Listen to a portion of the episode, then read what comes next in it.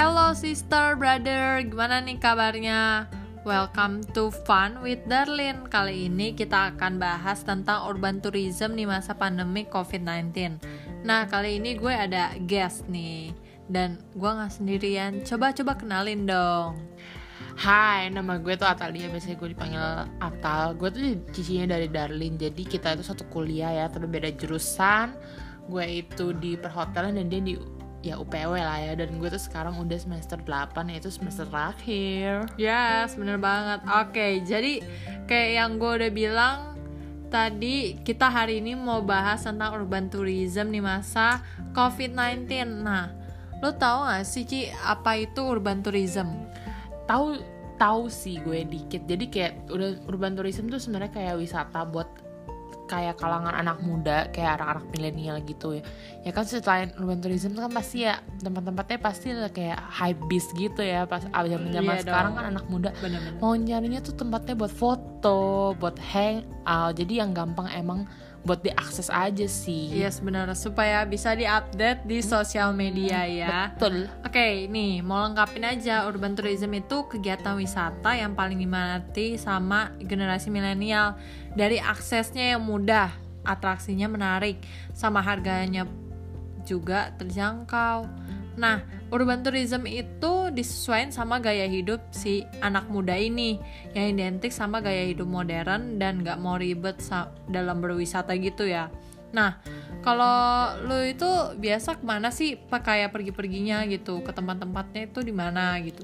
Contohnya mungkin kita paling familiar, ini tuh paling kayak hektik zaman sekarang lagi, Yes. zaman sekarang lagi wow, yaitu daerah Pik aja ya kita Oke, ngomong ya. oke. Pik itu kan ada salah satu yang terkenal yaitu pantainya sangat pantainya itu sangat ramai, sangat maksudnya kayak hype. Sekarang tuh kayak ke mana-mana ke Pik tuh pasti kayak ke situ kan terus ada Yes, pancoran, benar-benar. ada restoran. Tapi menurut gue itu sebenarnya kayak agak-agak gimana gitu. Rame ya bun. Iya itu karena kan namanya orang swa, namanya orang dari mana-mana. Oh eh, gila ada pantai buatan, ada gini-gini, terus ada tempat makan yang lain. Jadi kan orang lebih menarik ya.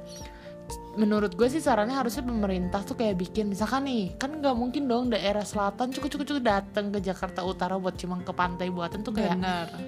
sangat mm, apa namanya Buang sih? waktu. Iya benar. Jadi kalau kita tahu kan kayak PIK itu punya swasta ya, cuman sangat diminati oleh uh, masyarakat-masyarakat dan seharusnya pemerintah lebih aware sama suasana yang kayak gitu karena rame mendek di satu tempat Iya. gitu ya. Jadi Walaupun gimana sih terbuka tapi kan tetap aja iya, warning gitu kayak ya kayak takut. nggak ada social distancing jadi Betul. harusnya uh, ada tempat-tempat lagi yang dibuat untuk wisata. Kayak contohnya pemerintah buat waktu itu kali jodoh ya. Nah yang kayak gitu-gitu tuh boleh banget untuk sekarang. Karena di masa pandemi gini kan orang banyak banget yang mau keluar dan cari kayak di outdoor. Jadi lebih aman ya kalau di outdoor daripada betul. orang-orang ke, Ke mall gitu. Di mall kan di dalam ruangan Ruangan. tertutup. Nggak ada sirkulasi. Benar. Jadi em, hawanya tuh gimana ya? Kuman yang covid-19 nya itu bisa ke mana-mana ya. Mm.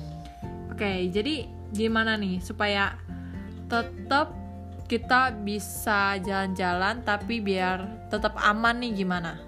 Kalau menurut gue sih ya tetap kita mungkin mau keluar nih mungkin kita ke satu tempat gitu contohnya ke mall lah ya paling ini. Bener-bener kalau ke mall itu ya paling kalau misalkan terlalu rame banget ya udah kita misalkan lagi mau ngantri nih mau ngapain? Ya se- sebisa mungkin satu satu meter sampai 2 meter lah jaga jarak ya kan. bener. Terus udah gitu menghindari tempat yang terlalu rame banget. Jadi kalau bisa kalau mulai ada outdoornya kita keluar dulu ke outdoor kalau terlalu rame ntar baru abis itu balik lagi ke dalam. Oke bener sih kalau menurut jaga protokol aja lah ya Yes, yes. Kalau menurut gue sih, jadi kayak sebenarnya kalau restorannya rame juga ya, itu mungkin di tapau ya. Eh, tapau Dibawa- tuh bawa pulang, iya. iya.